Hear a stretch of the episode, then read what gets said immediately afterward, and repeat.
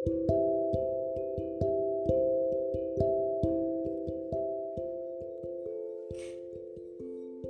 is in the house and how about you? Where are you now? Harusnya di rumah kalau kamu nurutin pemerintah. Tapi mungkin karena sedang satu hal yang penting nggak bisa di rumah. It's okay. I hope you just safe, right? Um, gue tuh dibilangin sama beberapa orang um, kayak gini, enaknya jadi guru nggak ngapa-ngapain, tapi dapat gaji. jadi ya orang tuh berpikir bahwa karena siswanya nggak ke sekolah nggak ada pelajaran gitu kan jadi gurunya nggak kerja gue sih nggak mau bela diri ya uh, tapi gue mau ceritakan faktanya. Faktanya gue kerja di rumah namanya work from home. Dan di rumah gue kerjain yang namanya gue bikin worksheet yang um, nyaman untuk murid gue. Uh, sekolah lain gue udah cek gimana sih mereka ngasih tugasnya gitu kan. Kayak gimana sih tugas-tugas yang mereka kasih selama ini gitu murid. Gue ngerti dong. Karena teman-teman gue udah banyak yang beranak pinak dan mereka nggak sekolah di sekolah gue ya kan? Mereka cerita nih anak-anaknya tuh suruh ngerjain tugasnya tuh kayak ngerjain LKS dalam halaman ini. Terus bikin video ini. Nah teman-teman gue sih ngeluhnya karena gitu-gitu aja. Terus habis itu habis habisin kuota. Nah gue nggak mau bela diri tapi kenyataannya adalah di sekolah gue sistemnya itu sangat ketat. Untuk bikin sebuah worksheet kita um, pengawasannya itu banyak gitu. Um, bikinnya harus pakai syarat-syarat yang harus sesuai dengan perkembangan usia perkembangan otak siswa uh, sesuai dengan kemampuan sesuai dengan pengetahuan uh, sifatnya harus repetition karena nggak mungkin ngasih hal yang baru di saat kayak gini gitu kan.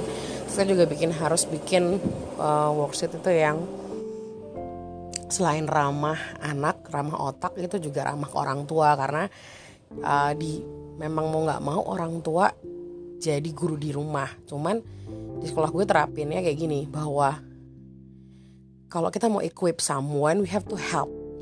Nah itu yang orang suka nggak peduli. Orang suka bilang bahwa um, ah susah banget ngajarin dia gue nggak ngerti. Ini udah gue coba kerja kerja gue kayak gini. Pulang-pulang gue ngajarin anak gitu kan. Terus terang kalau sebenarnya mau mau tenang dan mau membuka pikiran dan membuka hati compare aja sama worksheet sekolah lain gitu kan akan berbeda. Worksheetnya itu ada banyak pertolongan ke orang tua. Jadi kita bikin jembatan supaya orang tua itu uh, bisa equip dirinya ketika dia bantu anaknya belajar di rumah. Kita nggak yang kita nggak yang langsung main instruksi ke murid enggak tapi kita jembatani kayak kita ngerti kita kasih tahu dulu ini tujuan belajarnya apa terus prior knowledge yang diperlukan apa. Nah sebenarnya hal-hal itu yang sebenarnya kalau mau secara terbuka diterima itu akan itu akan sangat menolong ya, uh, menolong si orang tua tersebut itu. Cuman masalahnya kan memang kondisinya sulit. Dalam kata artian, gue sih percaya bahwa di hari-hari kayak gini orang marah tuh bukan cuma karena satu hal, tapi orang marah bisa karena sifatnya untuk melampiaskan emosinya pada hal yang lain. Jadi ya, gue sih gue mencoba santai aja. Gue mencoba untuk tidak ikut-ikutan marah yang tidak beralasan. Karena ya nggak ada gunanya juga gitu. Kalau sekarang gue mau kalau gue mau kalau gue mau sambat gitu ya sama kerjaan gue ya gue bisa bilang terus terang proses untuk bikin hot worksheet itu di ACC itu sulitnya bukan main. Tapi karena gue ngerti bahwa pengawas-pengawas gue itu maksudnya baik bahwa mereka ingin memastikan bahwa tugas yang gue berikan itu sesuai dengan kemampuan siswa gue tugas yang gue berikan itu ramah sama otak murid gue tugas yang gue berikan itu bisa dicerna sama orang tua sebagai mediator nggak kesulitan juga gue gue percaya bahwa pengawasan pengawasan itu penting gitu. Karena kan kita nggak bisa ngelihat satu hal dari satu sudut pandang. Ada orang lain di atas kita atau samping kita yang bisa ngelihat hal-hal yang we might not see. Jadi gue sih nggak anggap ini apa ya ah gitu gitu cuman ketika orang bilang bahwa I do nothing ya kadang kesel gitu kan. Kesel banget. Enak aja gurunya ya nggak ngapa-ngapain. Dibayar full. Ya ya tapi ya itu ekses. Orang bisa marah-marah. Karena ya mereka nggak ngerti. Kalau toh waktu gue seneng banget ketika ada ada orang yang mengerti. Gue terus bilang kenapa lo nggak share aja sih uh, behind the story-nya? Gitu kan. Itu will be good it will be beneficial so that people can pivot. Orang bisa beralih gitu kan. Gue pikir sih belum tentu juga ya karena um, orang bisa dengar satu hal tapi tidak langsung percaya. Orang bisa gue ceritain gini gini gini gini gue tuh gini gini gini. But gak ada jaminan mereka mau percaya. Gak ada jaminan mereka mau mengerti. Karena ya hari-hari gini terus terang orang jadi mentingin dirinya. Karena situasinya emang sulit gitu kan. Gue inget terakhir kali ketemu Ardian dia bilang Iya ya, jangan sampai kita gara-gara gini kita kehilangan kemanusiaan. Ya maksudnya bahwa kita sulit melihat bahwa kita tuh sebenarnya sama loh. We really have same problem gitu.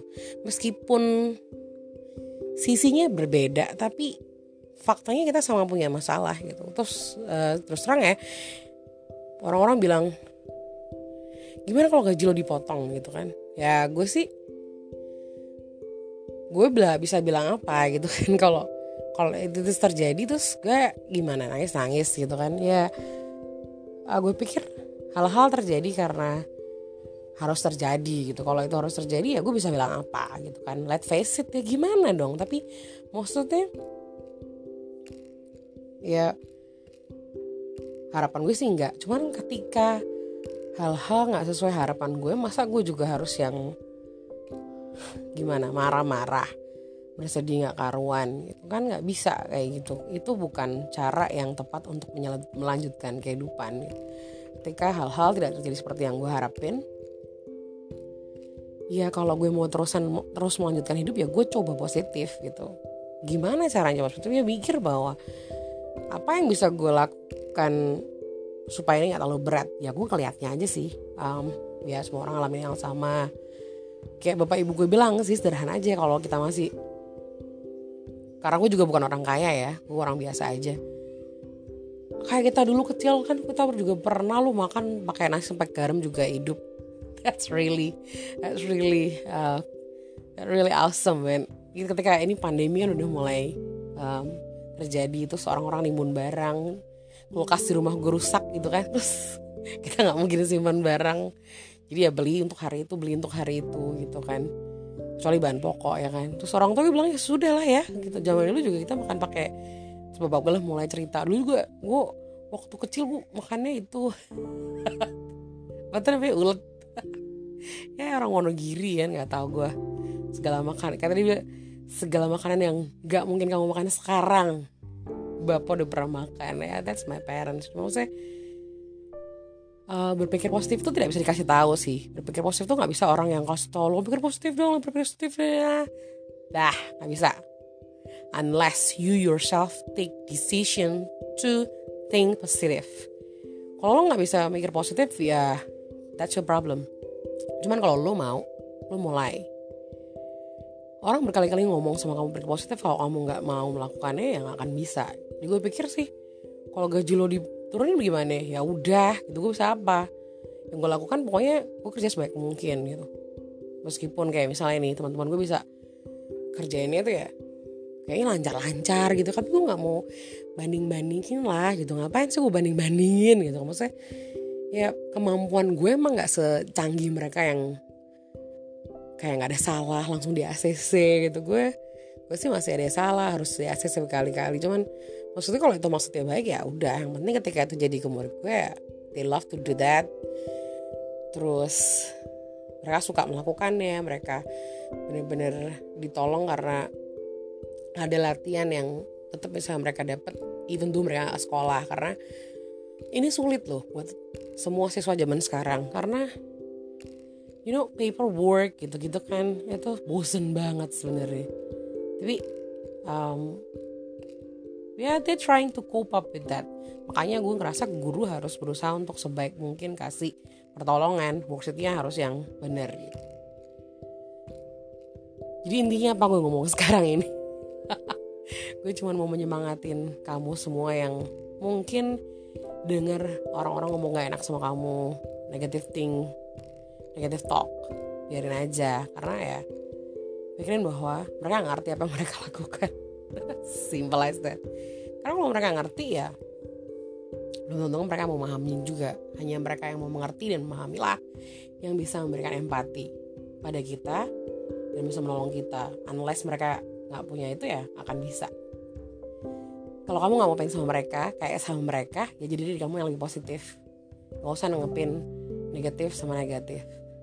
Eh negatif sama negatif jadi positif dong ya. Itu kalau matematika. Oke okay, uh, stay happy and healthy wherever you are. God bless you. Bye from Sasabet